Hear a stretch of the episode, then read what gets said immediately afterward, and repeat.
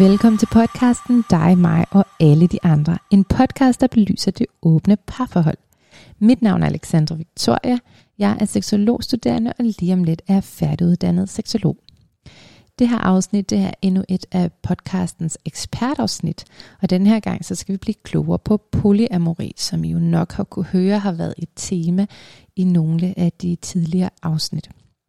Jeg har fået besøg af Sebastian Dyr, der tidligere har været medlem af Dansk Polyamori Forening, dengang som den eksisterede, og han vil give sin forklaring på, hvad polyamori egentlig er. Hånden på hjertet, så må jeg ærligt indrømme, at efter alle de her afsnit, jeg har lavet med alle de her fantastiske mennesker, jeg har mødt i podcasten, øhm, så går jeg virkelig og undres over hele den her åbne parforholds polyamorøse verden over for den monogame verden. Øhm, vi lærer jo en hel del ting på studiet, som egentlig drejer sig mest omkring det monogame, lukkede parforhold. Øhm, og så sidder jeg her og møder alle de her fantastiske mennesker, der giver deres besøg med til at prøve at forklare, hvad et åbent parforhold er, hvordan de lever det. Og, øhm, og jeg jo selv også lever i et. Og så mit hoved er simpelthen bare eksploderet i tanker omkring, hvordan er vi egentlig havnet her? Hvordan er vi gået fra et stammesamfund til et monogami, til en tid lige nu, hvor så mange bryder med monogamiet? Jeg har stødt på utallige serier på DR, på TV2, på Viaplay, der handler om det her med at åbne parforhold op. Og det er både danske programmer og britiske programmer, og sådan, det fylder mere og mere nu. Øhm, det er virkelig noget, jeg går og grubler over lige nu, og jeg har lyst til at have en samtale med en person, som er rigtig skarp på noget historie her. Sådan en person, der kan tage os helt med tilbage til stammesamfundet, og dengang monogamiet ikke fandtes, og prøve at tage os ind i det her med den menneskelige seksuelle adfærd, sådan biologisk set over fra monogamiet, da det blev opstillet, og hvordan monogamiet egentlig kom til. Jeg øh, har taget sådan forskud på det, eller hvad man skal sige, og har læst rigtig, rigtig meget. Men det kunne være sindssygt spændende at have en øh, samtale med sådan en fagperson, måske en antropolog eller en journalist, eller sådan en eller anden, der har dykket dybt i det her. Øhm, så hvis du kender sådan et spændende menneske, eller måske er du den selv samme person, så ræk endelig ud, for så vil jeg rigtig gerne invitere dig til en meget spændende, vil jeg selv mene, samtale her i podcasten. Så giv endelig det her budskab videre, og måske sidder du også derude og ligesom mig er drønende nysgerrig på alle de her sådan ting, der foregår nu. Øhm, især er jeg mega nysgerrig på, hvordan vi biologisk er indrettet kontra hvordan vi samfundsmæssigt har indrettet os.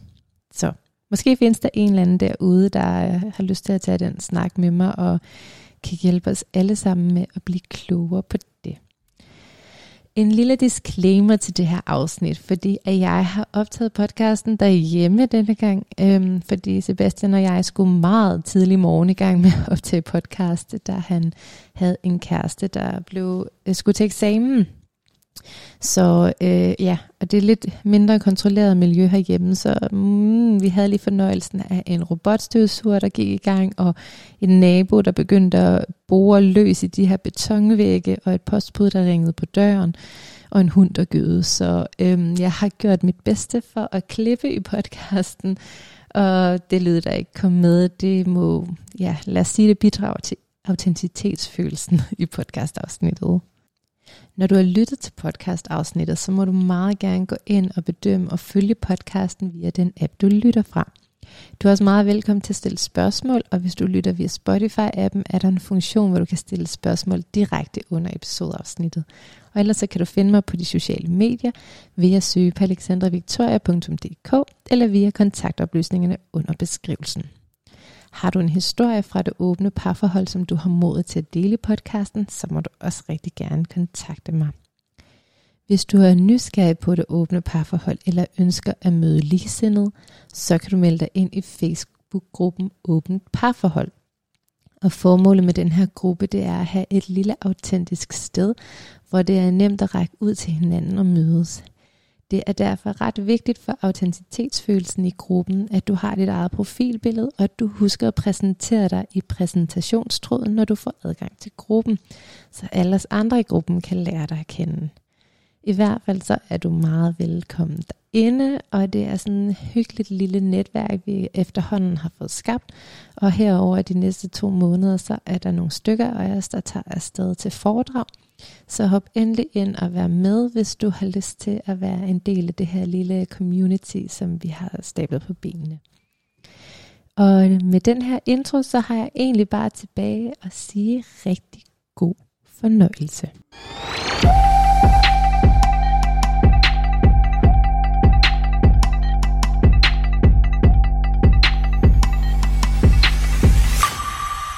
Hej og velkommen til Sebastian.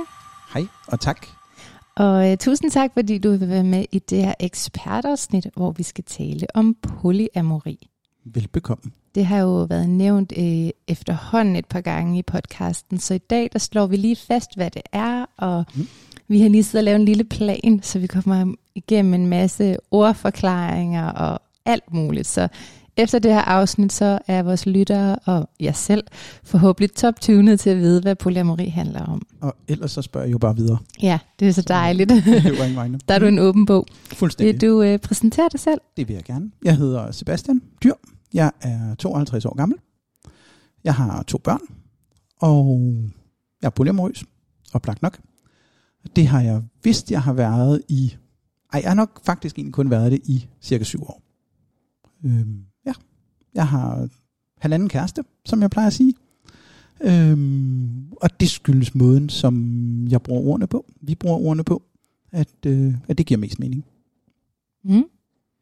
Hvem, øh, vil du sige lidt om, hvorfor du er her? Det er noget med en forening? Jamen, jeg er her, fordi jeg har været med i foreningen Polyamori Danmark. Ja. Og øhm, som har samlet foreningsmæssigt en masse polyamorøse gennem tiden. Øhm, så har vi haft et netværk, og det har vi på alle mulige andre måder nu, gennem Discord, gennem Facebook, gennem netværk. Hvad var det første, måder. du sagde? Discord. Det ved jeg ikke, hvad er. Det er et øh, program, som oprindeligt var lavet til gamer, ja. til at mødes, til at skrive, til at videochatte, til at lydchatte. Og så er der alle mulige andre interesseorganisationer af mennesker, som har lavet Discord-server, og så mødes man der. Og det fungerer, det afløser lidt gamle fora. Okay. Øhm, fordi Facebook er på Facebooks måde, har sine kvaliteter, men, øh, men Discord samler mere, end Facebook gør. Facebook er enormt god til at lave ballade. Så er det noget, man skal inviteres ind til de her grupper, eller kan man godt finde dem selv? Mm, man kan faktisk godt finde dem. Man kan søge på polyamori.dk. Okay, øh, vil du prøve at stave til den der side? Polyamori. Nå, man nej, man kan finde Discord. Vores, man, ja, Discorden, men den hedder faktisk det samme, men man kan bare gå ind på, på hjemmesiden. Ja. Polyamori-danmark.dk Der er faktisk link både til, til Facebook-grupper og til Discord. Så okay, mega det er nok fedt. Det nemmeste. Så ja. hvis man gerne vil finde øh, nogle gode fora, man kan være med i, så går man på polyamori-danmark.dk og finder linksene. Og jeg, lige præcis. Og jeg du skriver til lige det. linket. Ja, lige præcis. God plan. Mm-hmm. Sådan. Okay, så langt, så godt. Ja. Mm? Jamen, så kunne vi jo ligesom snakke, sige polyamori er ja. jo et ord, som, som har været op og vende af flere omgange i din podcast, har jeg jo også hørt. Øhm, og jeg tænker egentlig, det er en god idé at, at definere, hvad er polyamori? Og det er jo både en sådan ligesom positiv definition at sige, hvis man er polyamorøs, så har man evnen til at indgå i flere samtidige kærlighedsforhold. Øhm, samtykkende kærlighedsforhold mellem voksne mennesker. Øhm, det er jo ligesom, har man en kæreste, så har man et kærlighedsforhold. Har man to kærester, så har man to kærlighedsforhold. Øhm, polyamorien dækker også, at der skal være øhm, ligesom fælles viden om det. Øhm, polyamori er ligesom et andet åbent forhold, et andet ikke monogamt forhold, ved at man har flere relationer, og så er der forskel på, hvordan relationerne er. Øhm, og så kan man sige, der er monogame, der er både de etiske monogame, polyamorøse, svingere, åbne forhold, og så de uetiske monogame, de utro, fordi der er ikke samtykke mellem parterne om, at man er enige om, at man er ikke monogam. Ja, det er non-monogami, ikke? Mm, De non- etiske non-monogam. non-monogame. Non-monogam ja. eller ikke monogam, om vi siger det på dansk Ja. eller engelsk. Det kan jo yes. komme ud på et, kan man sige. Ikke? Mm-hmm. Øhm, de polyamorøse har flere kærlighedsforhold, og ofte har kærlighedsforhold mellem voksne mennesker jo også seksuel karakter. Mm. Svingere har typisk ikke kærlighedsforhold mellem dem, mellem de flere partnere. Det er et par, og så har man flere forskellige seksuelle relationer, men kun én kærlighedsrelation. De åbne forhold, de ligger sådan et eller andet sted, mere individuelt defineret fra par til par, eller fra relation til relation, hvordan man, man gør det, hvor meget kærlighed, hvor meget sex, hvor meget det ene og det andet, der ligger i det. Mm. Det er sådan groft sagt forskellene. Ja, for er det ikke rigtigt forstået? Polyamori, det handler om at være i stand til at elske flere. Det siger faktisk ikke noget om seksualitet. Overhovedet ikke. Altså, for man kunne i virkeligheden være polyamori og aseksuel.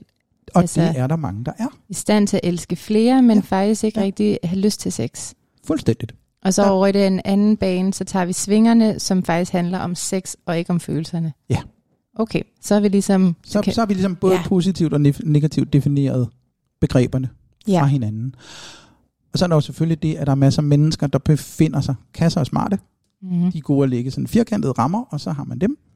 Og så kommer der en menneske, og så bare sådan lidt, hey, men jeg er så lidt blød, jeg vil godt være lidt nede i den her kasse, og lidt nede i den her kasse, og det er det, der virker for mig. Så der er en masse overlap mellem mennesker, der befinder sig i, i flere miljøer, kan man sige. At de både er polyamorøse og svingere, for eksempel. Mm. De har flere kærester, men de har også flere seksuelle relationer, som ikke er kærester, og så befinder man sig nede i begge, begge kasser. Det er der ikke noget galt i. Okay, så for lige at øh, sådan resumere, hvad vi lige har sagt, så har vi non-monogami, altså at man ikke er monogam. Det betyder, at man ikke kun er til én partner, man er til flere partner. Ja. Og den har ligesom to ben at stå på. Der er det etiske, og så er der det uetiske. Ja. Og det uetiske, det er utroskab. Ja. Og øh, det er jo et helt ben for sig selv. Ja. Øh, et ærgerligt ben, og det er ikke den vej, vi går ned ad nu. Nej. Men det er bare for at sige det. Mm. Den etiske, det er så her, hvor at, at der er consent ja. Mellem alle parter. Der er bevidsthed mellem alle parter. Og det er så Ja. den, vi har talt ind i nu, Ja. hvor vi har nævnt polyamori, svingerne og åbent parforhold. Ja, lige præcis. Perfekt. Så er vores lyttere med, tror jeg også. Ja. Og, Og så en kæphest, nu er mm, vi bare i gang. Jeg kan ikke lide begrebet et polyamorøst forhold, fordi for mig er det menneskene, der er polyamorøse. ja, god pointe. Øhm, og så kan det godt være, at man indgår i et forhold med en person, og et andet forhold med en anden person, og måske indgår man faktisk også i et forhold med tre personer. Det er jo også en, en pointe. Men, men forholdet som sådan er et forhold med det antal mennesker, der er med i forholdet. Men personerne er polyamorøse. Det leder måske op til, at vi taler ind i typer af polyamorøse forhold. Måske kunne- kunne du forklare lidt om det? Der er, findes alligevel et par stykker. Der findes et par stykker. Ja. Øhm, hvis vi nu sådan overkategoriseret, så kan man sige, at der er hierarkiske forhold Ja. og ikke hierarkiske forhold. Øhm, og de hierarkiske forhold er et spørgsmål om, at man typisk vil sige, jeg har en primær partner, og så har jeg en eller flere sekundære eller tertiære partnere. Og det handler om, hvordan man føler i forhold til hinanden, hvordan man prioriterer i forhold til hinanden, hvordan man vælger at prioritere. Så det, det, det, man sige, det er sådan det, det, det bevidste valg omkring det. Så der er faktisk også hierarki i, hvor meget man føler for hinanden, eller hvordan skal jeg forstå det? Ja, man, kan jo ikke, man kan jo ikke rangere sine følelser. Hvad vi tænker rangerer jeg. vi så ud fra? Mm, mås- men, men det er jo en følelse alligevel. Ja. En følelse at kigge på hinanden og sige, du er den vigtigste for mig, men jeg har også andre partnere, Mm. som betyder noget for mig emotionelt. Og så bliver de sekundære. Så, så jo, det er jo en, en, det er en, det er en snak, man har med sig selv, med sine partnere, og når det er under polyamori, så er det jo vigtigt, at det er en, en åben snak. Mm. At man kigger hinanden i øjnene og siger, ja, jeg har en partner allerede, og jeg flytter med dig, du er mega sød, jeg vil super gerne være partner med dig. Du skal vide, at jeg er hierarkisk. Så du kommer ikke til at måske blive inviteret med til familiefødselsdag. Fordi det er typisk en hierarki-ting, at den vigtige bliver inviteret med til familiefødselsdag. Øhm, der er så ligesom den anden side, som er non-hierarkisk, hvor man er mere, hey, I er lige gode. Jeg kan ikke rangere den ene kæreste frem for den anden. Øh, jeg føler lige meget for jer, ligesom med børn på forskellige måder jo naturligvis, men, men det er svært at sige, jeg elsker mit ene barn mere end jeg elsker mit andet. Nogen kan, jeg kan ikke. Øhm, og sådan kan man også sige, at jeg elsker min kæreste lige meget på forskellige måder. Vi har forskellige ting, vi gør med hinanden, tid vi bruger med hinanden. Men hvis jeg bliver inviteret til film fødselsdag med partner, så kigger vi måske på hinanden alle tre og siger, hvem er jeg skal med? Det kan være, at den ene partner ikke gider med til familiefødselsdag og er lykkelig for at slippe, og den anden rigtig gerne vil med. Men, men i det non-hierarkiske er det en, en samtale, man har i situationen, eller måske tidligere, men, men den er åben. Hvor det i det hierarkiske er det meget oplagt. Det er primært partneren, man tager med. Okay. Kender du nogen, der lever non-hierarkisk?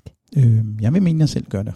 Og jeg egentlig, kender egentlig mange, der gør det, hvor det ikke er en, et hierarki, hvor det ikke er vigtigt. På Så måde. det lykkes faktisk for jer at leve non-hierarkisk også i verden uden for jeres parforhold med at have jeres par, partner med, afhængig af hvem der vil? Ja. Okay. Det vil jeg, det vil jeg våge på at stå. Og det er næsten Mm. en historie for sig selv. Vi skal se, om vi får Det tid. Det, det kunne- det lyder virkelig det være. spændende. Øhm, og så kan man sige, at hierarkiet har også to ben på en eller anden fasong, fordi der er det, det, det åbenlyse hierarki, Mm. som er der, hvor man siger, jeg har en primær partner, og jeg har en sekundær partner. Og så er der det, det skjulte hierarki, som typisk opstår, hvis man bor sammen med en partner.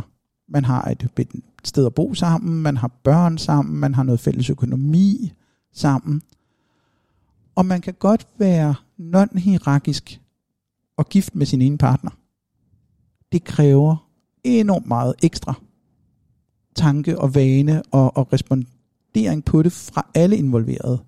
Fordi det er så nemt, når man er gift, man, man, skal, man skal lave mad, hvem laver mad, bla bla bla bla bla.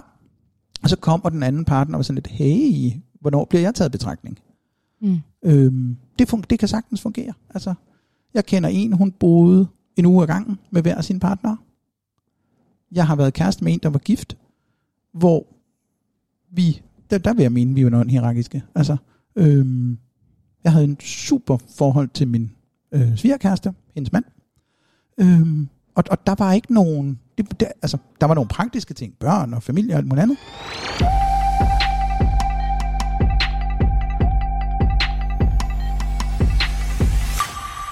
Jeg havde en kæreste, som havde en mand. Hun har en mand. Hendes mand og jeg er svigerkærester. Ligesom mine kærester er svigerkærester til hinanden, fordi de har en relation, relation gennem mig. Ligesom man har en svigerinde, eller en svoger, eller en svigermor, som er relateret gennem nogle andre. Så svigerkæreste, det er sådan et begreb for ligesom at forklare, at når en person har to kærester, så Mm. de to kærester, de er nødvendigvis ikke i relation øh, eller forhold med hinanden, Præcis. men de får sådan en relation, der hedder svigerkæreste. Lidt Ja. ligesom, at ens søster og ens mand bliver svoger og sviger inden for hinanden. Lige præcis. Det var et meget kærligt ord Ja, at tage med. jeg, jeg tror faktisk, at vi selv har opfundet det. det på engelsk bruger man metamor. Okay. øhm, metamor, metamor, hvordan man sådan lige udtaler det. Øhm, og jeg synes, at vi skal gøre gode ting med vores danske sprog og få så mange ord som muligt til at være på dansk, som giver mening. Så svigerkæreste er et af de her ord, som, øh, som jeg har plæderet for. Vi har svigerkæreste dag den 28. februar. Nå, hvor Det er jo hyggeligt. dobbelt, øh, hvad hedder det, øh, valentin. Hvad gør man så der? Altså, Man, man siger tillykke til sin svigerkæreste. Men hvad betyder svigerkærestedag? Er det så for... Jeg, jeg forstår det ikke helt. Hvad er en svigerkærestedag så? det er sådan en dag, hvor man siger, tak svigerkæreste, fordi du er, og fordi du er sød ved min kæreste, når jeg ikke er der. For eksempel. Okay, så det er noget, I har fundet på. Det er ikke sådan, noget, at vi har den fundet på. 28. kom de ind i dit liv. Okay. Nej, nej, nej. Så det er sådan nej, det er vores allesammen Ah. svigerkærestedag. Nå, det er Ja. lidt sødt. Ja. Nå, det var en kærlig, øh, et kærligt ordforklaring, vi havde her. Mm. Mm. Øh, jamen det var hierarki, det var non-hierarki, tænker jeg, vi fik fat på der. Der var den, den, den altså den, det, det hierarkiske, som man ikke er bevidst om, er egentlig det, det største problem. Jeg, jeg ser ikke nogen, selvom jeg ikke har lyst til at indgå i hierarkiske relationer, så der er ikke noget problem som sådan ved, at nogen polyamorøse er hierarkiske. Øhm, så længe alle de involverede er klare over, hvad de går ind til, så er det åbent, og det er ærligt, og det er okay. Det kan godt være, at det er svært for nogen at være sekundær partner. Det kan også være, at der er nogen, og det er der, det ved jeg, nogen, der synes, det er super dejligt. Fordi så ved man ligesom, jamen man har noget tid med sin kæreste, men man har ikke hele hverdagen nødvendigvis. Og det kan være rigtig dejligt. Øhm, så så det, der er ikke noget galt i, i hierarkiet. Det var en god ordforklaring at have med, fordi at jeg har faktisk haft øh, to inde i podcasten, et par, mm. og så øh, en single, eller hun er jo ikke single, hun kom bare alene, øh, som begge to har noget af det her hierarki. Det var Daniel og Anastasia i, jeg tror det var afsnit 6, der fortalte, at Daniel har Ditte, og på mm. en eller anden måde bliver hun jo lidt sekundær, fordi han bor med Anastasia. Og der kan jeg nemlig huske, at de talte lidt ind i det her med, at sådan, åh, de følte sig lidt forkerte, fordi at det var lidt udskilt det her med hierarki. Øhm, og så øh, Anja, der fortæller, at hun er sekundær partner mm. til en gift mand. Ja. Så faktisk så ser vi der øh, to eksempler på, hvordan at der er hierarkiske forhold, hvor alle parter ved det. Så det vil være mm. etiske hierarkiske det er forhold. I min bedste overbevisning er det fuldstændig etisk. Ja. Og så er der selvfølgelig nogen, som er sådan et, ah, men det synes jeg ikke er, er ordentligt. Og, og det taler man jo måske ud fra, at man selv har haft nogle oplevelser, som har været trælse. Det kan være, at man er blevet nummer to kæreste til nogen, men var blevet lovet, at man ville være non-hierarkisk. Mm. Og så sidder man jo med en ballast af hierarki, det er noget øv, fordi det gør ondt på mig. Jeg kan ikke være i en hierarkisk relation, og måske var man blevet, blevet snydt ind i den hierarkiske relation. Og det er jo noget skidt. Men altså, jeg mener, ja, jeg ved Daniel Anastasia, jeg kender Anja, og når de siger, det ved de, det er de ærlige omkring med deres partner, så er der ikke noget galt i det. Øhm, så, så det der, altså, ja, der vil nok være nogen, der skiller dem ud, men, men det sådan definitionsmæssigt på det store plan, så synes jeg ikke, der er nogen grund til det, nej. Perfekt. Så fik vi ligesom gjort ja. det klart. Mm. Så sagde du noget med, at øh, polyamori kan faktisk godt være både statisk og dynamisk. Ja, det er jo et spørgsmål om, at man... Altså, jeg ved nu, at jeg er polyamorøs. Jeg har levet monogamt i rigtig, rigtig mange år, og det var det rigtige for mig, mens jeg gjorde det. Øhm, og da jeg holdt op med det på et tidspunkt, og var, var uden kærester, gik det op for mig, og det er 6 år siden, eller seks-syv år siden, noget af den stil. Jeg er ikke så god til, til årstal. Øhm, at der gik det op for mig, at polyamori, det gav mening. Det resonerede for mig.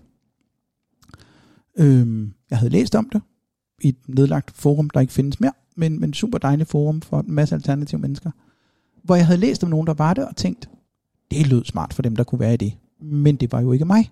Det var så 10 år siden, jeg læste om det. Øhm, og på, på et tidspunkt gik det op for mig, hey, det giver mening det her. Og så mødte jeg en, og vi blev forelskede, og vi kiggede på hinanden og sagde, hvis vi skal lave noget med hinanden, så skal det være ikke monogamt. Vi er polyamoriske begge to. Og vi havde egentlig den periode, hvor vi var sammen kun hinanden, men, men, men fuld bevidsthed om, at, at det kunne sagtens være noget andet. Det var et ikke monogamt forhold. Hvis den ene af os forelskede sig i nogen anden, så var det helt fint. Øhm, og, og, og lige nu er jeg i hvert fald helt overbevist om, at det er sådan, det bliver ved. Jeg har ikke nogen følelse af, at det skal jeg lade være med. Men, men, men det dynamiske ligger jo i, at måske bliver man født monogam eller polyamorøs. Det tror jeg faktisk ikke. Jeg tror, man bliver født, og så finder man ud af, hvor man hører til. Øhm, og jeg tror, samfundet har en rigtig stor indflydelse på, at rigtig mange mennesker er monogame i deres måde at være på, fordi patriarkatet. Øhm, og det kan vi så lade ligge derovre, ellers skal det blive en helt podcast igen. Øhm, men, men, men folk bliver opdraget til, at man er monogam. Og, og nogle mennesker er, er det, så er det sådan. Nogle af os opdager vi polyamorøse, nogle opdager det tidligt, nogle opdager det sent. Og nogle er det, der hedder ambiamorøse, som er, jamen jeg kan være polyamorøs, jeg kan være øh, monogam. Det, det kommer an på, på konteksten, det kommer an på, hvem jeg er sammen med. Og sådan er der forskel på os.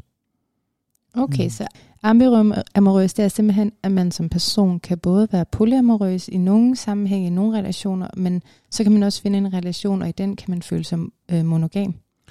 Øh, er det sådan, det eller, ej, jeg vil ikke sige følelser, jeg vil snarere sige, man vælger at, eller det, det, det ved jeg ikke, jeg har jo ikke, jeg har det ikke på den måde. Så jeg ved ikke, om det er en følelse af, om man er polyamorøs eller, eller monogam, men jeg ved, dem, dem der ligesom har snakket om det, siger, jamen, jeg kan egentlig indgå og være begge dele. Okay. Jeg kan være i en monogam relation. Jeg kan kigge på et menneske og sige, det er fint, vi er monogame, Sådan er det. Okay.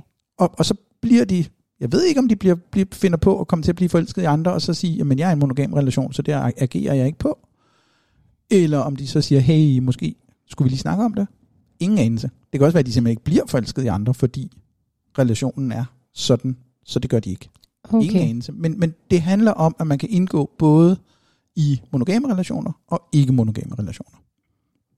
Spændende. Ja, der er jo Mhm. nogen, der må kunne det, siden ordet er blevet opfundet. Ja, det tænker Ja. jeg. Så fik vi et begreb mere til vores øh, polyordbog. mm-hmm.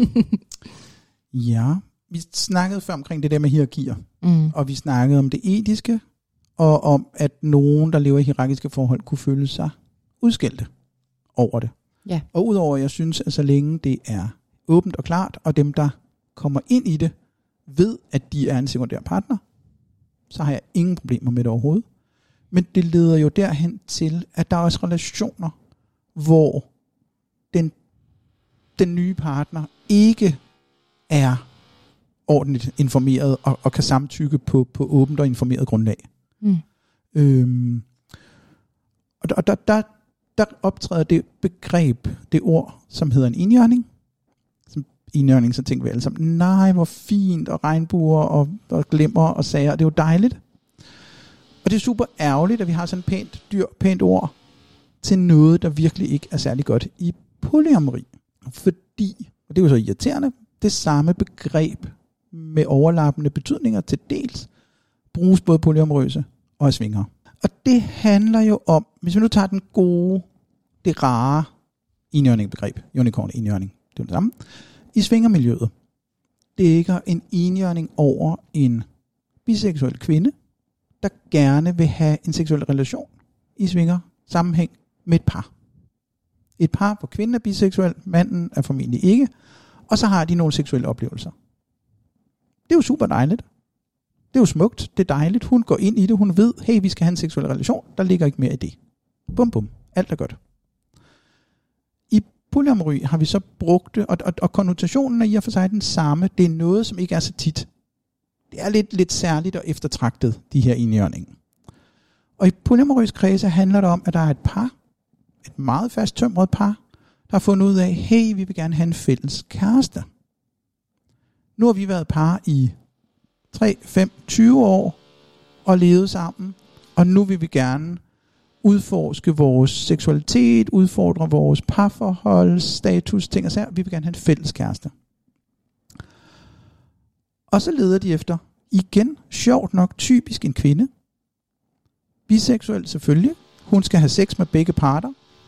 Samtidig. Aldrig alene. De skal være kærester alle tre. Men parret, og det er jo der, det bliver, bliver uetisk, parret har en særstatus. Det etablerede par har altid lov til at have sex alene, uden den nye kæreste. De har altid lov til at lave ting alene med hinanden. Men den nye kæreste er deres fælles kæreste. Og selvom de tit, og, og det er der, hvor det bliver svært, og det bliver svært at se, hvad er det, der sker. Fordi vi parkerer lige ordet træde, og så taler vi lige om det lige om lidt. Men, men her, hvor det er uetisk, hvor vi har med enhjørninger at gøre, så bliver der lovet en masse guld og grønne skove. I, du er vores fælles kæreste, du er helt lige med os, og alt er skønt og dejligt, og du flytter ind til os, og vi har en hverdag, og ting og sager. Men erfaringen viser jo bare desværre, at det arbejde i at være tre kærester på en gang, er super svært, når man har været vant til at være et par. Så enhjørningen kommer tit til at falde følelsesmæssigt, socialt, alt muligt andet, og blive tamt. Og blive en, en meget sekundær partner, men, men, men på nogle forkerte præmisser. Fordi det ikke er åbent at sige, jamen vi er et par, vi vil gerne, du skal være min sekundær partner. Der er også et krav om, du skal forelske dig i vores, os begge to. Du skal være vores begge tos kæreste lige meget. Og derfor vil det tit ske i polyamorisk kredse, når nogen kommer ind og, og afleverer den der sådan, Ej, vi har åbnet vores forhold, vi vil gerne have en fælles kæreste, så bliver man sådan meget træt og meget lang i ansigtet. For det har vi hørt mange gange, og vi har set, hvor galt det er gået mange gange. Så. Okay, så udfordringen ved unicorn er faktisk, at der bliver lovet, at de får samme status som det primære par, for egentlig så kunne de jo have, det etiske her vil vel være at sige, at du bliver vores sekundære kæreste. Fuldstændig. En husven, ja. for eksempel. Men og, så bliver det andet problem jo så bare, at de forventer, at hun skal kunne have lyst til at være kærester med dem begge to. Ja. Det kan man, man kan jo ikke bare tvinge en forelskelse. Nej, lige præcis. Det er jo meget interessant. Og, og, og det ser tit ud som om, at dem, der kommer og gerne vil have en enhjørning, have en fælles kæreste, har nogle meget naive idéer om, at det kan der sagtens lade gøre. Og, og det bliver også tungt at være, være på sidelinjen af. Og, og, og altså, jeg vil gerne tage på mig, at vi kan blive bedre alle sammen til, hvordan man taler til, til hinanden. Og når der kommer et par og siger, hey, det vil vi gerne, selvom det er tungt for os, selvom vi har set det før, så bør vi selvfølgelig tale pænt og ordentligt. Selvfølgelig gør man det. Altså, øh, men vi er alle sammen mennesker, det kan godt være lidt svært nogle gange. En fordom, jeg selv kan have, fordi mm-hmm. dem kan vi jo mhm. alle sammen have, det er, at noget, noget jeg forestiller mig kunne være udskilt ved det her, det er sådan lidt, når et par åbner op, så det jeg i hvert fald tit selv oplever, det er, at det første de søger, det er en oplevelse med en kvinde. Mm. Altså så der bliver lidt den her øh, lidt trætte energi, at der er et par, der åbner, og så søger de en kvinde. Og det kunne man måske mm. hurtigt komme til at køre over på det her, fordi nu kunne det også være spændende at, at have en kæreste. Giver det mening, hvad det er, Det giver super god mening, og det taler jo ind i, nå, nu tager vi patriarkatet ind igen. øh, det taler ind i en skrøbelig maskulinitet. Det taler ind i, at der skal kun være én penis. Øh, fordi puha, hvis der kommer en penis til, så er det jo farligt. Øh, mange, der åbner et par, er sådan lidt, om, om du må godt have andre kvindekærester. Må kvinden i parret. Øh, men du må ikke have andre mandkærester. Puha nej, det kan vi ikke have. Det er farligt. Øhm, og og det, det bliver sådan lidt, mm, altså, hvor, hvor, hvor, hvor åbent og ærligt er det, ikke? Altså, øhm, og den tykke, tykke ironi, den er jo så, at når den kvindelige del af et par har fundet en, en, en kvindelig kæreste, og det gør hun sikkert tit rigtig hurtigt, og det er svært for manden at finde en kæreste, fordi energi og det er alt muligt andet. Øhm, så finder hun ud af, at den her kvindelige kæreste, hun er mega rummelig, og hun kan godt rumme, at hun har andre kærester, og de må være både mænd og kvinder, og der er jo ikke noget galt i det. Så går hun fra manden, og så bliver hun bare sådan, nej, jeg prøvede jo at passe på min skrøbelige penis og min skrøbelige maskulinitet, og nu gik det helt i fisk.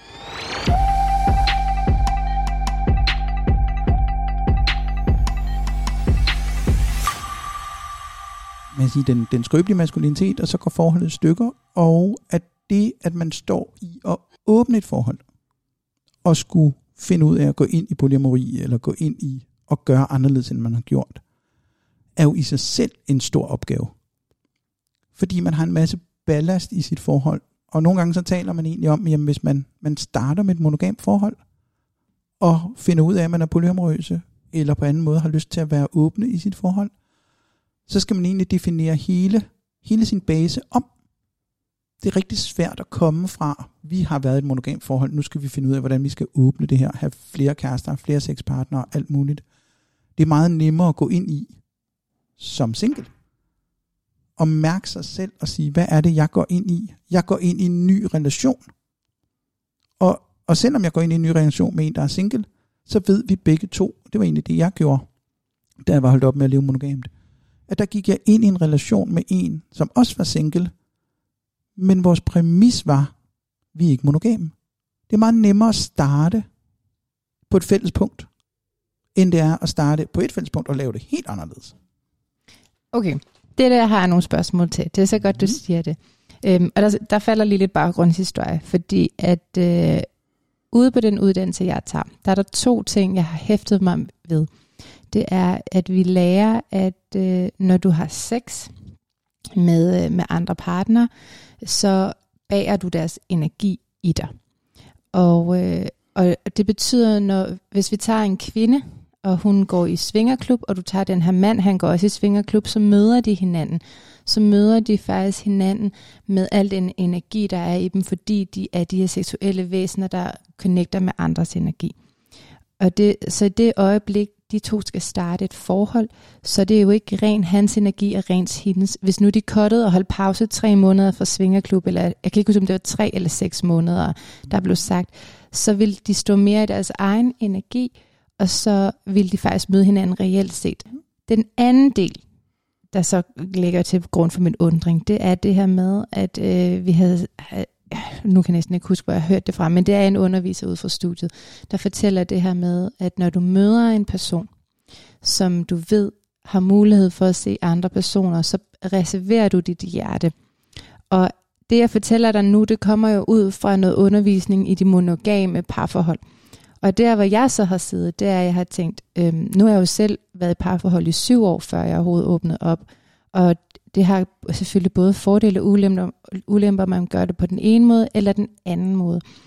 Men det her med, når man møder som to singler, jeg har mm. været mhm. virkelig nysgerrig på, øh, sådan, øh, hvordan det bliver en succes, fordele og ulemper i det. Sådan det her med, kan vi godt connecte 100% og udvikle det her parforhold, når vi ved, dørene er åbne til andre. Giver det mening, hvad jeg spørger om? Mm, det giver masser af mening. Øhm, det, der, der, der ligger nogle præmisser, som jeg ikke nødvendigvis er enig i.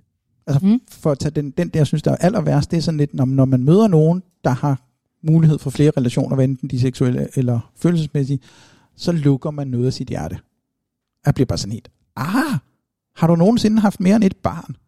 Så når du får barn nummer to, så hvad gør du så med dit hjerte? Så, så er det bare synd, nu tager du og lukker hjertet for nummer et, eller nu er der ikke så meget hjerte tilbage til nummer to. Altså, kærlighed er ikke en lavkage. Kærlighed er, en, er et univers. Der er plads, altså, kan man sige, for nogen af os. Men de fleste af os skal i hvert fald forholde os til, hvis vi har børn eller søskende, og vide forældre, hey, man, man elsker sine relationer lige meget, men på meget forskellige måder. Altså, mine børn er to vidt forskellige mennesker, og jeg elsker dem højt begge to. Og, og, og vi indgår på forskellige måder. Og mine kærester elsker jeg højt på forskellige måder. Vi gør forskellige ting, vi kan forskellige ting med hinanden hvis vi tror på energier, eller taler om energier, så, så det er noget af det, ja. Vi er forskellige mennesker, vi kommer forskellige steder fra, vi er forskellige, vi udvikler os forskelligt. Men, men for mig er hjertet bare sådan et, der er plads. Altså, værsgo. Tror, tror du, det har noget at gøre med, altså nu fortalte jeg, at det her var undervisning i det monogame mm. forhold, tror du, det har noget at gøre med en anden indgang til kærlighed og parforhold, når man er polyamorøs? Altså det gælder de her problemstillinger, jeg lige nævnte, ikke? Øhm, der er masser af problemstillinger i at være polyamorøs også. Ja, og problemstillinger, det, som, som, som monogame også har. Altså den aller, den ene store fordom, det er egentlig både blandt dem uden for polyamori, og dem, også der er polyamorøse, det er, når man er polyamorøs, så er man jo ikke jaloux. Og jalousi er en forbudt følelse, når man er polyamorøs. Man er ikke ordentligt polyamorøs, hvis man mærker jalousi. Den begraver vi lige og, og slår, slår ihjel. Fordi jo, man kan også være polyamorøs. Øh, jaloux som polyamorøs. Helt 100%. Øh, det er der slet ikke nogen tvivl om. Det er ikke nogen forbudt følelse. Det interessante er at finde ud af, hvorfor føler jeg det her, som jeg benævner som jalousi. Hvad er det, der sker? Hvad er det, der ligger til grund for det? Og hvordan handler jeg på det? Det er faktisk det aller, aller vigtigste. Og, og så kan man sige, alle de her ting, som vi går igennem som polyamorøse, som vi snakker om, som vi finder ud af, hvordan skal vores forhold være? Hvad skal vi? Hvad betyder det der jalousi? Hvordan er vores, mine grænser, kan jeg mærke dem, hvordan kommunikerer jeg dem? Det gælder jo i virkeligheden alle forhold. Det interessante ved polyamori er bare, at vi har ikke en skabelon, som strækker 2000 år tilbage i historien for, hvordan gør man monogami, hvordan gør man forhold, hvordan gør man parforholdsrulletrappe, hvordan plejer man at gøre. Altså, mm. så dater man, så bliver man eksklusiv, så bliver man kærester, så bliver man forlovet, så flytter man sammen, så køber man hus, så får man børn, så bla bla bla bla bla. Ikke? Øhm, hele den der rulletrappe i, hvordan forhold er, og at man for øvrigt ikke kan gå ned ad rulletrappen i små trin, eller gå til siden, eller gå sådan lidt hulter til bulter. Hvis man er monogam og gerne vil ned ad rulletrappen, så må man gå fra hinanden. Øhm, det, hvor, hvor for mig at se, som relationsanarkist, det kan du skrive til senere, så er rulletrappen ikke en rulletrappe, men et, et Escherhus, jeg ved ikke, om du kender de der trapper, hvor man tænker, jeg går ned, jeg går ned, jeg, hov, nu gik jeg op, jeg gik, altså de der sjove 3D-tegninger, som er helt mærkelige. Mm. Øhm, men, men illustrerer meget godt, at man kan være på forskellige skridt, man kan gøre forskellige ting i sine relationer, og man kan godt have opskaleret noget, være flyttet sammen, og finde ud af, at hey, det dur jo ikke, men vi er stadigvæk kærester, men vi skal bare bo hver for sig. Og det ødelægger ikke, det, det skal man ikke bryde hele forholdet for. Det er bare en præmis at sige, hey, det var ikke sådan, det virkede men vi elsker hinanden, men lad os bo på en anden måde. For eksempel, hvor, hvor monogame, der, det sker ikke ret tit. Øhm. Så øhm, Det her, det blev en masse øh, begreber og snak, der startede i, at man kunne være statisk og dynamisk i Ja. polyamori. Ja. Så det, vil du lige kort opsummere forskellen på statisk og dynamisk i altså, jeg tænker, at, at statisk er, at man kommer et sted fra, og man bliver ved med at være sådan hele sit liv. Det, det er jo det, de fleste monogame gør. Vågn op, får en kæreste, bliver ved med at have en kæreste ad gangen. Måske ikke den samme kæreste hele livet, men, men de er i hvert fald monogame. Ikke? Og det, det øh, dynamiske er jo så, at man finder ud af, sådan, hey, men, men måske er jeg monogam, måske er jeg polyamorøs, måske er der nogle situationer, hvor jeg kan det ene, hvor jeg skal det ene, hvor jeg skal det andet. Så man ligesom går ind og ud af typerne af relationer. Det er det, jeg vil, vil sige er det dynamiske.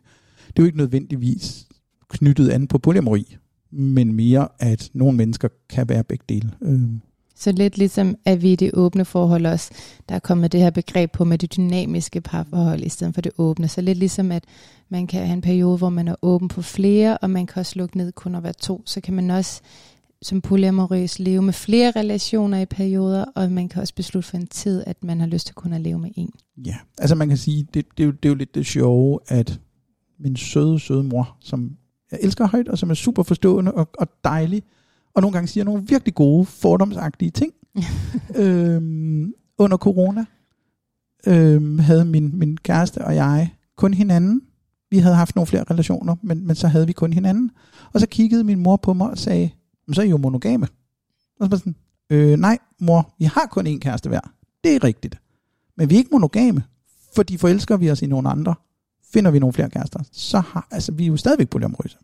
Men der ville være nogen, der sagde, ja, vi har valgt, vi skal ikke kunne vælge at indgå i andre relationer nu. Vi er monogame, ja det er rigtigt. Men, men det galt ikke for mig. Nå, det var en meget sød øh, Ja, men, beskrivelse lige det er derfra, ud fra mors fordom. Det var dejligt. ja, ja, men, men det, det er super dejligt. Altså, hun siger mange gode ting. Så nævnte du relationsanarkist. Skal vi Ja. tale lidt ind i det ord? Det kunne vi godt. Øhm, det er anarki gør op med sædvanen. Og man kan sige, at sædvanen er jo, at man starter med at forelske sig og date og flytte sammen i en hund til rækkefølge, hvordan monogam nu gør det. Øhm, og, og der er sådan en helt opskrift, en drejebog, et schema til, man, hvordan gør man, når man gør kærester. Og på et andet tidspunkt, så siger man, nu er vi kærester. Og så betyder det en hel masse ting, at man skal med til hinandens familiefødselsdage og bla bla bla bla. Det øh, relationsanarkistiske går lidt ud på at sige, hver eneste relation, man har, definerer man selv både, hvad den indeholder, og hvad man kalder den. Så det kan godt være, at man har en kæreste, som aldrig nogensinde kommer med til familiefødselsdage. Øhm, fordi det gider den kæreste bare ikke. De hader familiefødselsdage. De undgår også deres egen familiefødselsdag. De undgår også mine. Øhm, men det gør dem jo ikke til mindre kærester. Fordi kæreste er mellem mig og min kæreste. Øhm, og på den led kan man have venner, som man kysser, kærester, som man ikke har sex med, fordi den ene er måske aseksuel. Øhm, og, og man kalder det selv, man definerer det selv, man, man bruger selv begreberne. Det er ikke omverdenen, der fortæller mig, hvad er du, hvad er I. Og det er egentlig relationsanarkist begrebet. Så det er på en eller anden måde at gøre op med den måde, vi har relationer på. Eller hvad? Øhm, både at gøre op med relationerne og gøre op med begreberne for relationerne. Det er Okay. os, der definerer det. Det er ikke jer, der siger, nu er I kærester. Eller I er ikke kærester, for I bor ikke sammen. Øh, jo, vi, vi, vi kommer aldrig til familiefesterne. Jamen, altså, det er min kæreste alligevel. Beklager. Okay, ja. Så fik vi et ord mere til ordbogen. Mm. Fedt. Så vi har snakket, indtil videre har vi snakket om, hvad polyamori er. Vi har snakket om det etiske og ikke-etiske non-monogami. Vi har snakket om forskellige typer af polyamori. Mm. Er der noget, du synes, vi mangler, inden vi skal videre til regler og grænser? Øh, de er jo i hvert fald vigtige. Øh, der, vi har et ord, solo poly, Ja. øh, som er lidt vigtigt. Der er nogen, der tænker, ah, det betyder, at jeg er polyamorøs, men jeg ikke har nogen kærester. Mm. Nej, så er man bare single. Øhm, solopoly er et begreb, der dækker, mm, man kan sige lidt, der, er- det er måske et mere kendt begreb, cola-forhold. Ja. Øhm, couple living apart. Øhm, og, og solopoly er en polyamorøs, der ikke ønsker at dele hus med sin partner. Øhm, ikke fordi man ikke elsker sin partner meget, ikke fordi man ikke gerne vil bruge rigtig meget tid med sin partner, men man er sådan, at man siger, at jeg skal bo med mig selv, måske med mine børn, og det er det, der fungerer. Øhm, nogen, om jeg så må sige, løser det ved at bo dør om dør i hver sit hus, hver sin lejlighed, men man har hver sit hjem, man har sit eget private space. Der er også nogen, der løser det ved bare i godsøjne at have hver sit soveværelse, hver sit arbejdsværelse, og så har man, har man det på den måde. Øhm, og man siger, som solopoly er det jo også nemmere at have flere kærester hjemme hos sig selv. Hvis man er gift eller bor sammen med sin ene partner, så er der nogle praktiske udfordringer. Der, der kommer jo et, et hierarki, som man ikke har bevidst tænkt over, og som man, ikke, som man jo godt kan se og sige, jamen hov, vi kan ikke være hjemme hos mig, fordi hvis vi skal være hjemme hos mig, så skal min partner måske være et andet sted. Eller om vi har to soveværelser, så, så du kan være inde, altså hvis vi skal have sex, hvis vi skal sove sammen, jamen, så skal man jo vælge, hvilken partner sover man med. Og, og det, kan, det kan for nogen være enormt svært at gøre i en etableret dagligdag. Der er også masser, der har det super fint, hvor man netop har hver sit soveværelse. Man, måske sover man ikke med sin kæreste altid alligevel. Øh, men så kigger man på den anden og siger, skal vi sove sammen i aften? Skal det? Ja, det skal vi. Eller, nej, i dag vil jeg faktisk godt sove alene. Ikke? Altså, og så næste dag sover man med den anden kæreste, og det kan også det kan jo fint fungere. Men der ligger nogle ting i det. Men solopoly, der bor man for sig selv. Og okay. blander heller ikke sin, sin husholdning, sin økonomi og sådan nogle ting sammen. Så der er nogen på den fasong. Og det du refererede til før, som var cola-forholdene, altså couple living apart, det er det her, der er begyndt at ses i monogame parforhold, hvor par faktisk flytter fra hinanden mm. og får hver deres bolig, men stadigvæk er et par. Og der gik man jo faktisk ned af parforholdsrulletrappen uden at gå fra hinanden. Ja. Men man kan jo også møde hinanden, og det gælder jo egentlig mange, mange voksne, voksne mennesker, øh, pensionister, og som, hvor børn er flyttet hjem fra, nu bor de alene, og man bor måske i en lejlighed i byen, og den anden bor på landet, og så tænker man sådan, hey, men skal vi, jeg er glad for at bo på landet, og dit hus kan jo også nogle ting, og jamen, din lejlighed i byen, den, den kan jo også rigtig mange ting, så, så måske skal vi ikke flytte sammen, og, og måske er vi også blevet så gamle og sære, efter at være blevet 55, 60, 70 år begge to, at det er måske en meget god idé at have hver sit sted. Øhm, og så, selvom de ikke har andre kærester, så gør de jo som en solopoly gør. Altså, øhm, så det kan man jo godt spejle sig i, kan man sige. Nogle af os gør det bare noget tidligere. Så det var solopoly. Jeg tænker, at øhm, inden vi lige bevæger os videre til at snakke om regler over for grænser, ja. så skal vi lige have lidt begrebsforklaring, eller ordforklaring, hvad man vil sige. For jeg siger tre ord til dig nu. Det er polycule, så er det medglæde og medundelse. Øh. Ordet er dit. tak. Øhm, og jeg plejer at snakke dansk, så jeg siger polykyle. Mm. Øhm, og det er sådan en, en, en tegning af en, en opfattelse af alle de mennesker, der er forbundne med hinanden gennem relationer. Så jeg har to kærester. De er hinandens svigerkærester. De har nogle flere relationer, som har nogle flere relationer. Og man siger hele det der træ, man kan give sig til at prøve at tegne, og man kan finde nogle vidunderlige nogen på nettet nogle gange, hvor folk har tegnet deres polykyle, og med forskellige farver og, og linjer, der er stiplede eller hele, til at definere, jamen har vi en seksuel relation, har vi en emotionel relation, ses vi tit, ses vi ikke så tit, øhm, og det ene med det andet. Øhm, og det er polykylen, som er sådan hele, hele gruppen af mennesker. Og, og begrebet er jo kommet af et molekyle, som består af mange atomer. Så det sådan bærer en, en analogi til det. Et mm. billede på det. Det er polykylen. Okay, spændende. Mm. Det tror jeg lige, jeg skal google for at se det billede der. Det lyder der meget mange. interessant. Folk, folk har lavet dem rundt omkring. Det er meget hyggeligt. Det, det lyder lidt som, når man lavede stamtræ som barn. Fuldstændig. Det er bare en meget indviklet stamtræ. Fordi nogle gange så opsker der jo det, at, at selvom jeg har to kærester, så kan det jo godt ske, at, at de har måske også en anden fælles kæreste, eller de bliver måske også kærester med hinanden. Det er der jo ikke nogen, der... Altså, der vi snakkede før om, om enhjørningen, men, men der har man så det, man kunne kalde en triade, hvis man er tre personer, hvor man er i relationer, alle tre, men ikke nødvendigvis alle tre på en gang. Det lød fjollet. Jeg er kæreste med A, som er kæreste med B, som også er kæreste med mig. Altså B er ja. Ja, altså vi er alle sammen kærester med ah. To, men vi er kun tre mennesker i alt, ikke? ja, okay. Øhm, det hedder en tredje. Øhm, så. Og, Okay. og, og opstår typisk dynamisk. Der er ikke nogen, der kommer og siger, vi er et par, vi vil have en tredje. Men det kan være, altså, der er måske en ret god chance for, at når jeg er kæreste med en, som jeg synes er et virkelig dejligt menneske, som synes jeg er virkelig dejlig, så sker det jo nogle gange, at et andet menneske, som jeg synes er virkelig dejligt, at de faktisk, udover synes, at jeg er dejlig, kunne synes, hey, I faktisk, hey vi, vi kan også godt lide hinanden, ikke? Altså, så sker det, at de måske bliver kærester, eller får en eller anden relation. Øhm, og det er jo sådan den dynamiske.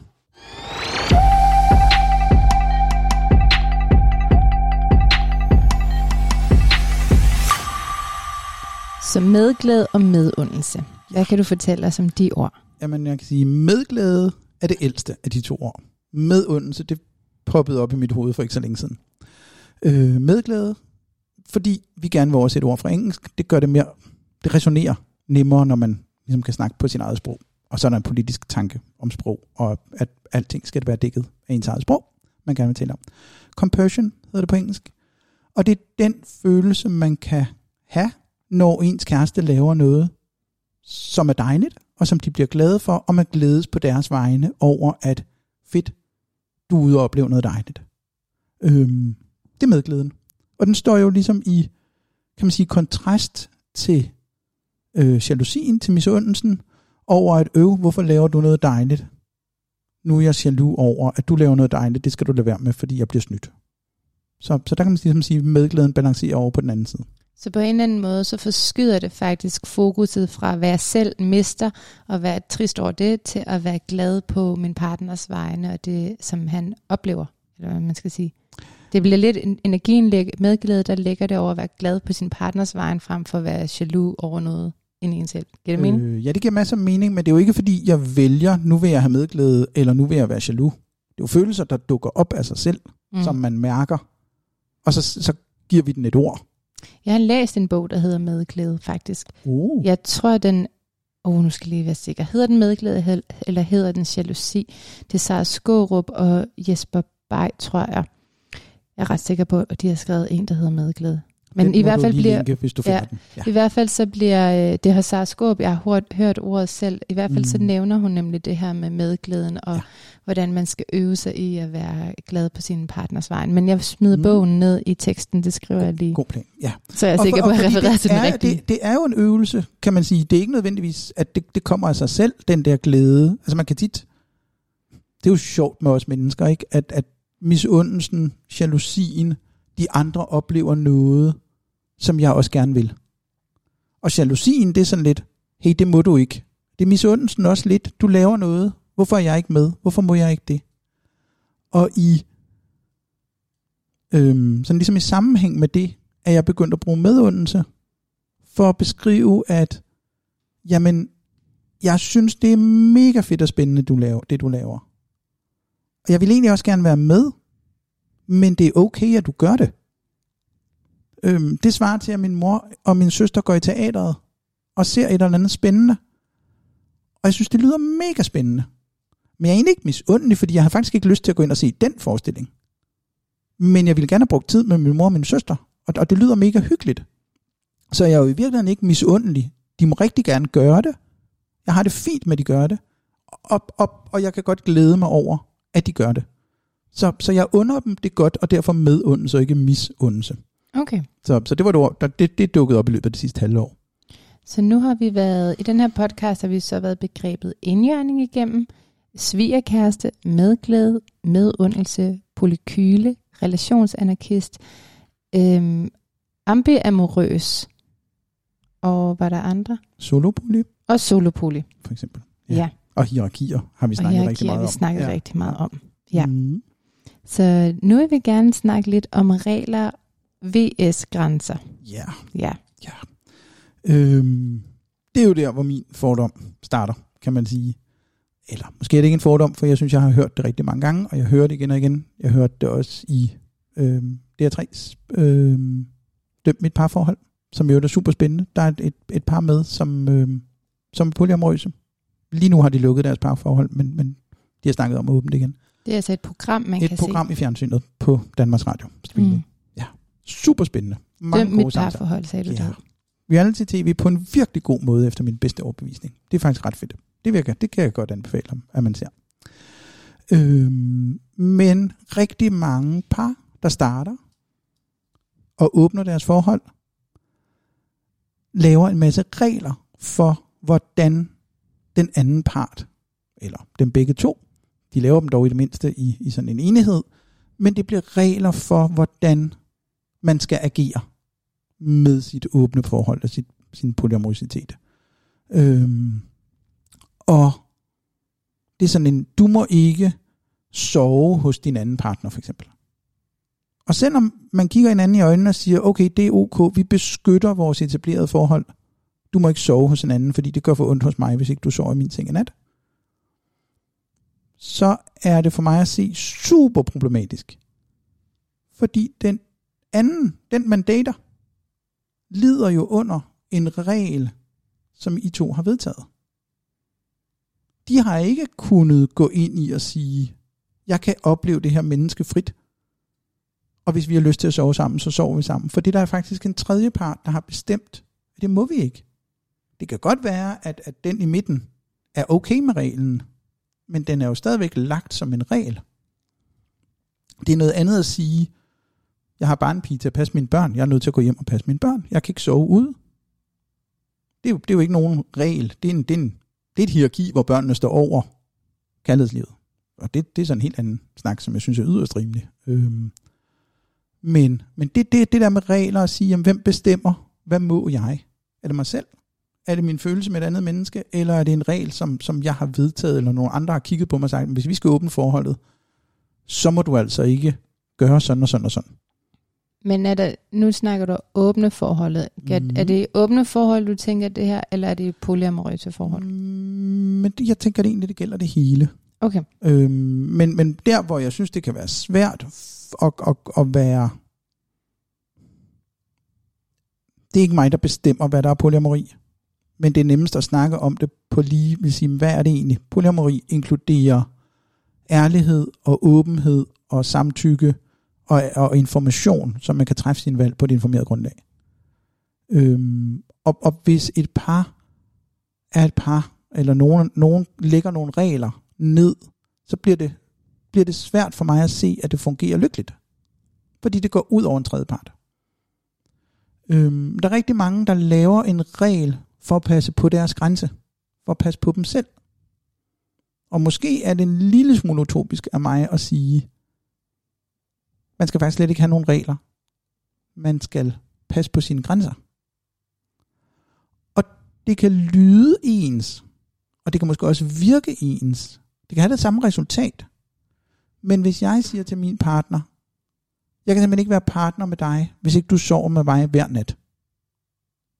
Så har jeg jo ikke bestemt, at du ikke må sove med nogen andre. Jeg har bare sagt, at hvis du sover med nogen andre, så bliver jeg nødt til at, gå et andet sted hen. Så kan, jeg ikke, så kan jeg ikke være partner med dig mere. Og det har man lov til. Man har lov til at sige, jeg, det, det kan jeg ikke være i. Jeg går i stykker, hvis det her sker. Så må man ikke sige, du er dum, du har ødelagt mig. Nej, så må man sige, hey, okay, jeg havde fortalt dig, at det var det her, der var konsekvensen, så nu kan vi altså ikke være partnere mere. Og, og så er det sådan, det er. Øhm, men det er noget andet end at sige, du må ikke. Punktum. Okay. Giver den forskel mening ja, for dig? jeg synes, det virker lidt som om, at grænser, det er sådan lidt, inde i mig kan jeg være med til det her, og så er der sådan, hvis de betingelser ikke kan være der, må jeg jo selvfølgelig trække mig. Ja. Hvor reglerne, det er lidt over at styre den anden og sige, du må, du må, og du må ikke. Fuldstændigt. Ja. Og det er den store, store forskel. Øhm, altså, det, det er jo, det, man må sige, så laver man en hel masse aftaler. For eksempel, hey, det er din maddag i dag. Det er jo ikke anderledes, end man bruger et bofællesskab eller hvad som helst. Går man på date, og man har maddag, ja, så må man enten tage daten med hjem, eller også må man sige til daten, hey, jeg har maddag, så vi bliver altså nødt til at slutte klokken 5, for jeg skal hjem og lave mad, i der hvor jeg har en aftale om at lave mad. Det er jo også en integritet at sige, jeg har nogle forpligtelser. Det er okay. Det er jo ikke, fordi man ikke har nogen forpligtelser andre steder, fordi man er boligområde. Selvfølgelig har man det. Og det er også helt okay.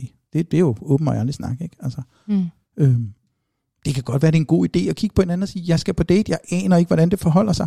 Det skal jeg nok ikke gøre på min maddag. For det kan være, jeg har lyst til at blive ude til kl. 12. Øhm, Okay, det er meget interessant. Jeg tænker nemlig også, regler og grænser, den kan jo egentlig også vendes om, hvis der er to, der sidder i et parforhold, og den ene har grænsen, at øh, du må ikke sove ude, og den Nej, det anden... er ikke en grænse. Nej, var det ikke det, du sagde? Du sagde en Nej. grænse. Jeg kan ikke være her, hvis du sover ude. Præcis. Ja, det var ord for sagde, det, og, det, det, og det er jo derfor, det bliver så, så sindssygt spændende, hvordan vi siger det. Okay, fordi- så pointen er, at der er en, der har en grænse for sin partner i forhold til sove ude. Der ikke kan rumme ens partner sove ude.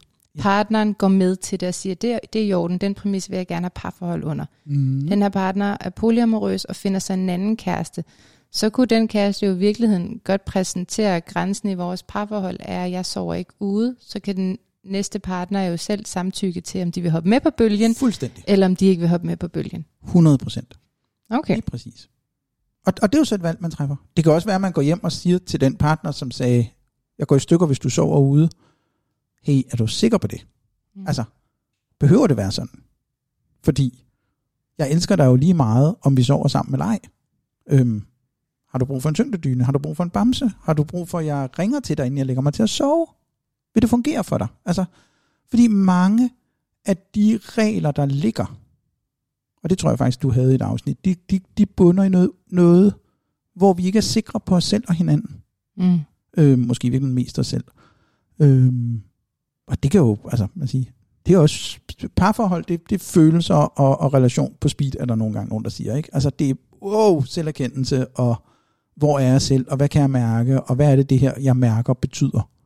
Øhm, og, og det kan jo også være, at man tænker, om jeg bliver sindssygt jaloux, når du taler om din anden kæreste. Eller jeg bliver sindssygt jaloux over, at du overhovedet har en anden kæreste. Altså, eller nu laver jeg noget, og det, og det, åh nej, jeg går helt i stykker. Jeg bliver ked af det, jeg bliver vred, jeg bliver jaloux.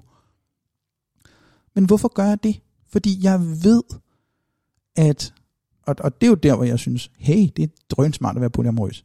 Jeg ved, at hvis mine kærester går fra mig, så går de ikke fra mig på grund af en anden, fordi de er også polyamorøse. Hvis de nu havde været monogame, så var det noget andet.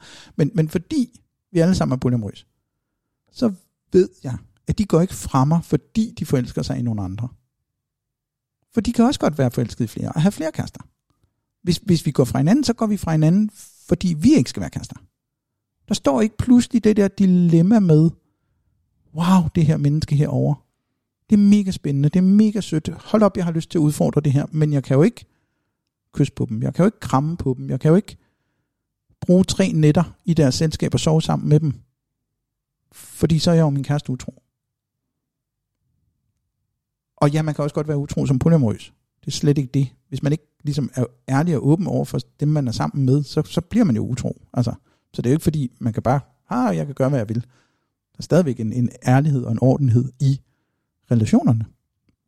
Men jeg behøver ikke være bange for at miste mine partnere af, at de eller jeg er sammen med nogle andre.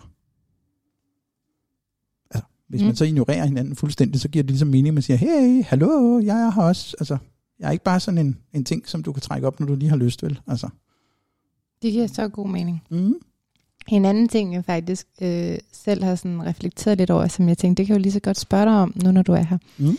Det er, hvis man går på sådan nogle øh, dating-apps, altså bare for tre år siden, der synes jeg, polyamori og åben parforhold øh, var meget mere skjult, end det er nu. Altså det tager fart hele tiden. Ja. Øh, altså, og så har jeg lagt mærke til, at på dating-apps, at folk øh, godt kan finde på at skrive sig polyamorøse. Mm. Men at der nogle gange kan være en tendens til forskellen på, om folk oprigtigt dyrker polyamori, eller om de bare ikke har lyst til at knytte sig og slå sig ned. Giver Ja, det det er jo en, ja, ja det, det giver mening, og man kan sige, det er jo, det er både en fordom, som man møder som polyamorøs rigtig, rigtig tit, at folk kigger på en og siger, ja, men det er jo bare fordi, du ikke evner at indgå i dyb forhold. Du kan jo ikke, altså, du skøjter jo bare hen over alt det der, så har du 10 kærester, og så skifter du mod hele tiden, og så har I noget sex, og der er ikke nogen forpligtelser, bla bla bla. Og så sådan, øh, nej. Øh, overhovedet ikke. Jeg mener, hvad, hvad, kig på de serier monogame, hvad laver de? Altså, undskyld, fordyber I jer i noget som helst? Altså, det synes jeg er en usigelig transfordom. Ja, altså øh. seriemonogam, det er det her, hvor du går fra det ene monogame parforhold til det andet. Med korte intervaller. Yes. Fordi man kan sige, hvis man har haft en partner i 20 år, og har en ny partner i 20 år til, så vil jeg jo nok ikke kalde det seriemonogami. Altså, det, det, det er jo begrebs, hvor, hvor, hvor korte skal de være, før det siger monogami, men, men altså, var de mennesker i virkeligheden polyamorøse, hvis de fik responderet med sig selv nok over det? Vil det faktisk være det? Er det det, der gør, hov, jeg forelsker mig en anden, men jeg bliver jo nødt til at bryde med min partner? Det kan være, det er ikke sikkert, det er det. Det kan også være, at de bare ikke netop formår at have dybe forhold. Det ved jeg ikke. Øhm, men, men polyamorøs er altså ikke modstridende med dybe forhold. Absolut ikke. Nej, øhm. det er måske en vigtig point at tage med det her. Både hvis man bruger polyamorøs om sig selv, mm. eller hvis man møder en, der er polyamorøs. Så hvis du på en dating-app ser en, der er polyamorøs, så betyder det ikke, at det er et midlertidigt stop. Fordi for dem, det der er det jo... det for nogen. Ja, det, der, der, er nogen, der er nogen, der bruger det som et, æh, det er et bossbrød, så behøver jeg ikke at lande i, nu dater vi eksklusivt. Nu kan jeg bare date rundt, som jeg har lyst. Altså, jeg kan jo ikke se, hvordan folk bruger det, men sådan. Alt andet lige, så vil jeg sige, så er de jo ikke polyamorøse. Nej. Så dater de rundt, og det er okay, det må de også gerne, så længe de ligesom er, informerer hinanden om, hvad er det, der foregår. Så, så er fred med det, altså. Ja, jeg tror, mm. den pointe, jeg gerne vil frem til, det det her med, en polyamorøs person investerer jo faktisk sit hjerte og sine følelser i relationer. Det er ikke bare et Tinder-swipe hele tiden, mm-hmm. hvis det giver mening. Det gør det. Men det tænker jeg, sådan er det vel forhåbentlig med alle parforhold, at man investerer sig selv, sit hjerte, sin tid, sine følelser. Uanset om man er indgår i en eller flere relationer. Altså, det må vi da håbe. Ja, det tænker jeg. Ellers så lyder det Ellers så skal man måske lige kigge, kigge om det er det rigtige parforhold, man er i. Lige præcis.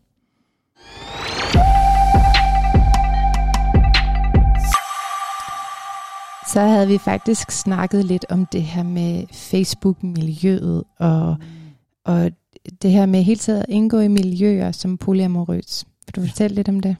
Ja, altså man siger, alt andet lige, så er det jo rart at kunne have nogle mennesker at spejle sig i, som kender til, hvordan har jeg det.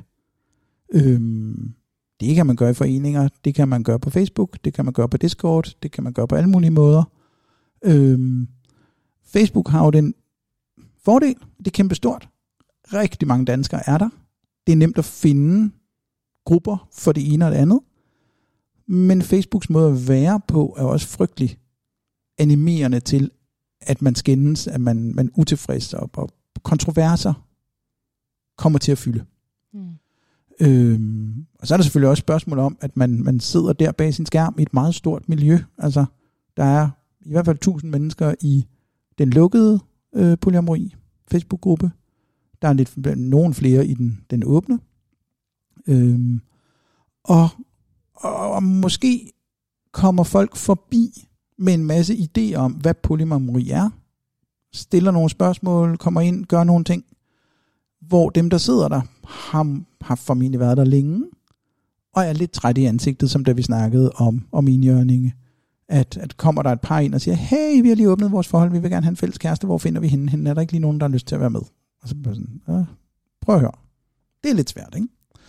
Øhm, og vi snakkede om det her med hierarkiet, at der vil også være nogen, der sidder med nogle meget kraftige holdninger til, at ah, du skal ikke være hierarkisk, det er ikke godt, det er synd for de andre, og, og, og sidder med nogle, nogle historier, noget, noget sig selv i det, som gør, at det trigger noget hos dem. De har måske været en, en der er kommet ind til et hierarki, været en sekundær partner, uden helt at have været klar over, at det var det, der skete, eller hvordan hierarkiet fungerede, eller dem, der var i de hierarkiske forhold, der havde måske ikke helt erkendt, at de var hierarkiske endnu. Og så opdagede de det bagefter, og så føler man sig måske snydt og, og bliver vred bagefter. Øhm, og, og det er da en ting, som vi alle sammen skal være bevidste om, når vi møder andre mennesker, at møde hinanden pænt og ordentligt, og lige lytte, inden vi kaster alle vores gamle historier og skeletter og fordomme og, og vrede ud over hinanden. Fordi det går meget hurtigt at blive meget vred. Altså, Øh, og hvis man kommer ny ind i polyamori, og måske bare sådan har hørt oh, polyamori, og måske har hørt et afsnit af din podcast, eller læst noget et eller andet sted, og tænker, gud, det lyder spændende, det skal jeg da lige undersøge. Så, så formulerer sig man sig med nogle ord, som man har hørt, og nogle, nogle halve sætninger her og der, og det er der jo ikke noget galt i. Sådan går det også, hvis man kommer ned i skakklubben og skal til at spille skak, og så siger man et eller andet, og man aner ikke noget. Øhm, og så bliver folk sure, hvis du, man siger, Nå, men så hopper jeg lige dronning herover. Nej, det hedder ikke at hopper, det hedder trækker, eller hvad ved jeg, ikke? Altså, mm. øhm, men man kan godt møde hinanden på en ordentlig måde. Det, det, det, altså, det kommer vi desværre alle sammen til. Og det, det er jeg ked af, fordi det, det, det har jeg ikke lyst til. Det sker bare nogle gange alligevel. Øhm, så, man kan sige, der er Facebook, kæmpestort, en, en, en meget åben indgang til miljøet. Øhm, om man kan kalde det et miljø, men altså, whatever.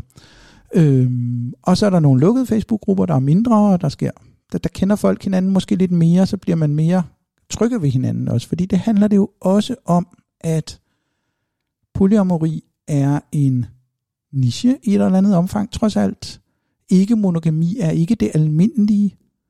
Øhm, man er nødt til at gøre opmærksom på det, på dating apps, på andre steder, at man er ikke monogam. Og det rejser jo også en snak om, hvornår skal man sige det, når man møder nogle mennesker? Hvor længe skal man have datet et person, før man siger, Nå ja, altså jeg er jo et polyamorøs, og jeg dater også de her tre andre, eller jeg har faktisk en kæreste, eller noget. Skal man, skal man putte det up front? Lige med det samme, skal man bare skrive det i sin bio. Jeg er polyamorøs, jeg har en kæreste, jeg bor sammen med dem, eller jeg har en anden kæreste. Eller skal man lige vente lidt, og så se, inden der er lidt interesse, og så siger man det bagefter. Altså det er jo også et, et dilemma.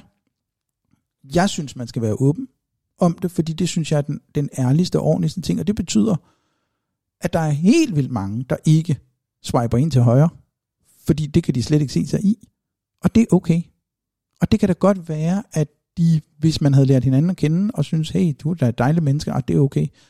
Mm, men alligevel, nej, det bryder jeg mig ikke om. Men det er der nogen, der vælger. Og det jeg skulle også sige, hvis det netop skal være etisk, så skal man vel være åben. Det der er super ærgerligt, det er min personlige holdning, at begynde at mhm. date et menneske, som tror, at nu dater jeg den her person, og skulle være monogam. For hvis de forelsker sig, og så får smidt bomben, jeg er ikke, i øvrigt ikke monogam. Ja, det tager jeg, det er jeg fuldstændig enig med dig i, og derfor synes jeg også på dating apps, giver det fuldstændig god mening at skrive det med det samme. Men regner man på et menneske i, i byen, og sidder og snakker en aften, hvor tidligt skal jeg ligesom breake, hey, jeg er polyamorøs. Mm. Altså, jeg gør det super tidligt. Øhm, det, det jo også, kan også være interessant, og, og hvis folk breaker min kæreste, hvor man sidder på en bar og snakker med hinanden, så bliver der nok ikke mere i det, men så, så hvis man gerne vil noget, så skal man huske at sige, ja, min kæreste er jo polyamorøs, og bla bla bla, ikke? Så kan man, så kan man ligesom åbne den der. Så jo, jeg synes, man skal sige det rigtig hurtigt, så der ikke er nogen, der bliver, bliver snydt på nogen måde. Ja, det var nogle gode overvejelser. Så tænker jeg, nu har vi nævnt Facebook og de her digitale miljøer. Mm. Hvad nu, hvis man ikke er til de digitale miljøer? Er der nogen mulighed for at møde folk øh, sådan i virkeligheden? Findes mm. der sådan nogle grupper? Eller? Jamen, mm, problemet er jo, at de tager jo udgangspunkt i det digitale på en eller anden façon. Øhm, der er den Discord, som jeg er med, med på, og som jeg tænker, du linker til, og som man også kan se inden fra øh, Polymeri Danmark hjemmesiden, der arrangerer vi rigtig, rigtig tit sociale ting. Øh, mødes med hinanden og lægger, lægger op i nogle af de andre grupper på Facebook. Og der er også mange andre i, i de forskellige Facebook-grupper, der, der laver arrangementer. Altså øh, laver en fest, eller laver en snakke, kom sammen, et eller andet, eller lad, lad os mødes på en café og spille brætspil og snakke.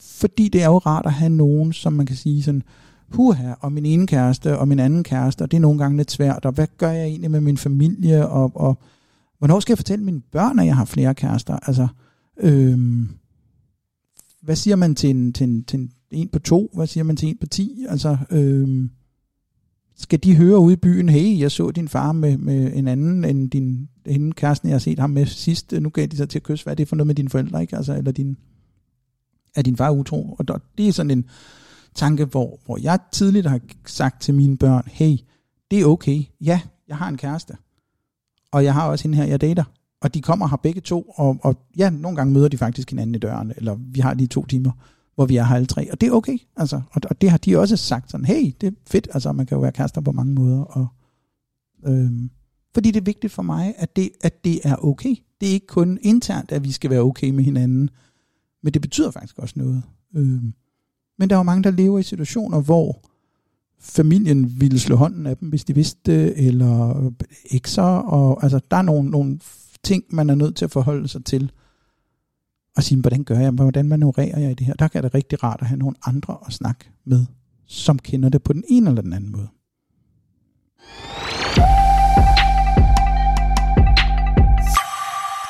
Nå, Sebastian, så er vi også ved at være ved vejs ende. Ja.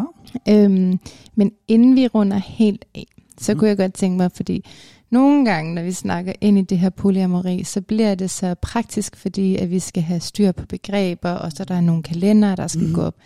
Øhm, Nå ja, og hvis kalender. Man, ja, og hvis det er det allervigtigste. det er jo et kæmpe, altså, Ja.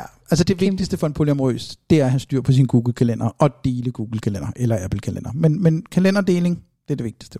ja, det er et godt værktøj at have. Mm-hmm.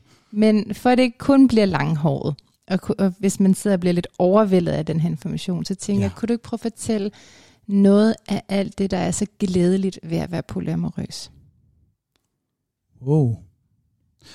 Øhm, det var et stort ord. Jeg synes, det er glædeligt at kunne have plads til, at mine kærlighedsfølelser kan få lov at være der for flere mennesker på forskellige måder. Og jeg elsker, at når man har flere kærester, så er der også flere, der kan være gode ved hinanden. Øhm, at når, hvis jeg ikke er der sammen med min kæreste, men, men min kæreste oplever noget dejligt, så er der nogle andre, der kan være, have nogle dejlige oplevelser sammen med, min, med sin kæreste, med min kæreste. Øhm, der er nogle mennesker, der er sådan lidt, jamen den, du er den eneste ene for mig, du er alt for mig, jeg skal altid gøre alting for dig, du kan, du kan, du kan altid regne med, at jeg er der hele tiden, uanset hvad. Og, og den selvopoffrelse, tror jeg simpelthen ikke på, kan lade sig gøre for mig, og, og jeg bliver faktisk lidt skræmt, hvis der er nogen, der siger, at jeg er der for dig for alting. Jeg bliver sådan lidt, øh, undskyld, husk lige dig selv, ikke? Altså, du må også have noget tid. Så den der bevidsthed om, at vi kan supplere hinanden på mange måder. Og det er ikke den der fordom om, at når vi spiller Pokémons, jeg skal bare have en af hver. Jeg skal have en kæreste, jeg kan gå i teateret med. Jeg skal have en kæreste, jeg kan strikke med. Jeg skal have en kæreste, jeg kan snakke litteratur med. Jeg skal have en kæreste, jeg kan dyrke den slags sex med, og bla bla bla bla bla. Det er ikke sådan en, en nu stykker jeg det hele sammen, fordi jeg ikke tror på, at, at hver enkelt er god nok. Det, det er jo også lidt en fordom, ikke? Altså, som vi også talte om, om dybe relationer. Og der er jo nogen, der kigger og siger, nå, men det er jo bare fordi, du skal have fyldt det hele op, og nogen tror, jamen den eneste ene er det, det rigtige, at du kan fylde hele mig altid op. Jeg tror ikke, det er så tit, jeg møder nogen, der ender med at sige, det her menneske kan alt for mig, altid. Jeg har ikke brug for nogle venner, jeg har ikke brug for noget som helst, jeg har bare min kæreste, og de kan alt. Altså, jeg har mm. den overbevisning, at den eneste ene kan aldrig være den anden. Altså, det Nej. kan kun være dig selv. Altså, Det er det, en god pointe. det, sådan har jeg det. Du, det er dig, Ja. der skal fylde dig, fylde dig selv op. Ja. Din kæreste skal ikke være dit behov. Nej. Det skal være din lyst. Præcis. Og, og når man som polyamorøs kan have lyst til flere, og kan have kærlighed til flere, så synes jeg det giver, det er dejligt. Altså, mm. øhm, helt sikkert. Så, Så, ja. så plejer jeg altid lige at spørge folk, sådan, om uh, de vil dele et, et par gode råd, inden vi slutter af. Har du et par gode råd? Der er virkelig, det her det er godt at have med, når man er i et polyamorøst forhold. Eller Man er er en polyamorøs forhold. men Ja, man er jeg fik lige ret mig selv. man er en polyamorøs pe- person, og det er faktisk også lidt ja. Interessant for mig at sige, fordi det er også os som individer, der kan indgå i flere forhold. Det er jo ikke forholdet, der indgår i flere forhold. Ja, det er sådan lidt nørde nørde. Men du har advaret mig og sagt, at du var en rigtig ordnørd. Fuldstændigt. Sådan er det. Øh, jamen det gode råd, det er, tænk over regler og grænser. Mærk dig selv. Vær forberedt på, det er ikke spor nemt. Vær forberedt på, at jalousi er en ting. Og det er okay. Øhm, og ja. Øhm, og mærk det. Altså, øhm, og vær ærlig. Både for dig selv og for andre. Det er det allervigtigste, tænker jeg, i virkeligheden. Og så snakkede du om det der med at fylde sig selv. Altså, nu har jeg jo sagt, at jeg er ikke hierarkisk. Og så er der måske nogen, der vil kigge på mig og sige, men Sebastian, når jeg taler med nogen om, hvor vigtige folk er, så med et smil på læben siger jeg, jeg har et hierarki. Aller, aller øverst, der står mine børn. Så kommer jeg selv, og så kommer min kærester. Så det hierarki, det er der. Men der er ikke noget hierarki mellem min kæreste, og der er ikke noget hierarki mellem mine børn. Men, men det er den prioriterede rækkefølge. Så rækker mine børn ud, så er jeg der. Har jeg brug for noget selv, så er jeg der, og så er der min kærester. Øhm, og, og det, det, det er for mig det, der gør, at jeg kan være. Øhm, fordi hvis ikke jeg passer på mig selv, hvordan skal jeg så kunne passe på andre? Det er også en læring. Det er simpelthen sådan en god en lige at runde af på den der. Og øh, så har vi forhåbentlig givet lytterne en masse god information. Jeg er i hvert fald blevet klogere i dag. Dejligt. Og har lært mange nye begreber, vil jeg sige. Ja, Hold da op. velbekomme. Jeg har noteret dem undervejs, så jeg er sikker på, at jeg lige øh, kan huske det. Og hvis man sidder som lytter, og jeg tænker, wow, det var nogle vilde ord, så skriver jeg det altid op i tags i Ja. afsnittets beskrivelse, så man kan følge med der. Ja, Og så vil jeg bare sige tusind tak, fordi du kom og ville bevæge dig Velbekomme. hele vejen til Solrød Strand. jamen det var jo nemt med tog og tog og tog, og en gåtur gennem sneen. Det var så herligt. Er det dejligt, du ser det sådan? Men det gør jeg. tusind tak for i dag. Velbekomme. Tak selv.